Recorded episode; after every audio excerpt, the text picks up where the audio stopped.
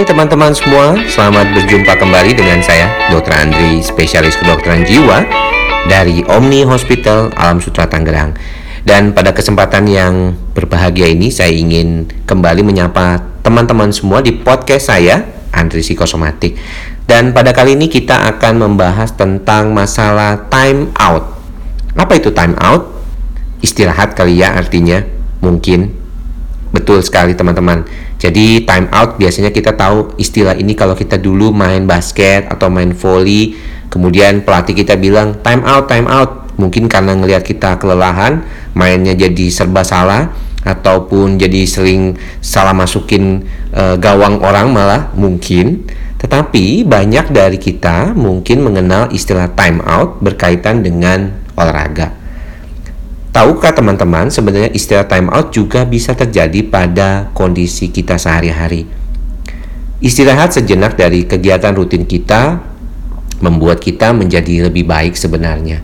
Ketika kita dihadapkan pada masalah yang sulit, pada masalah yang kelihatannya tidak ada jalan keluarnya, mungkin ada baiknya Anda sedikit berhenti, kemudian mencoba mengendapkan dulu hal-hal yang membuat pikiran Anda terganggu atau yang terkait dengan hal tersebut. Ketika Anda time out, bisa Anda melakukan hal lain atau hanya sedikit merenung saja atau yang kita bilang solitude. Pada kondisi itu, mungkin Anda bisa kembali baik dalam beberapa waktu. Tetapi ada juga orang yang membutuhkan time out sampai beberapa hari. Ketika misalnya saya mengerjakan manuskrip untuk satu penelitian, ketika saya mencoba membuat berbagai macam kondisi yang baik untuk pembuatan makalah saya ini sering kali ada hal-hal yang tidak bisa kita kontrol. Ide kita misalnya tiba-tiba stuck atau literatur yang kita cari kok nggak ketemu-temu. Akhirnya saya mencoba untuk stop dulu. Dan ketika kita stop satu dua hari dan ketika kita buka laptop kita kembali kita lihat pekerjaan kita kembali ternyata banyak hal-hal yang sudah bagus dan kita bisa dapat ide-ide tersebut. Tiba-tiba kok kita ketemu.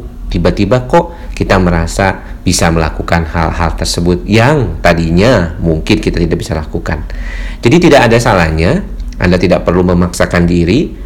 Ambillah time out ketika Anda merasa stuck ataupun tidak dapat bergerak pikiran Anda dari situasi yang ada saat ini Semoga apa yang saya sampaikan pada kesempatan kali ini bermanfaat dan sampai jumpa nantinya di podcast saya berikutnya.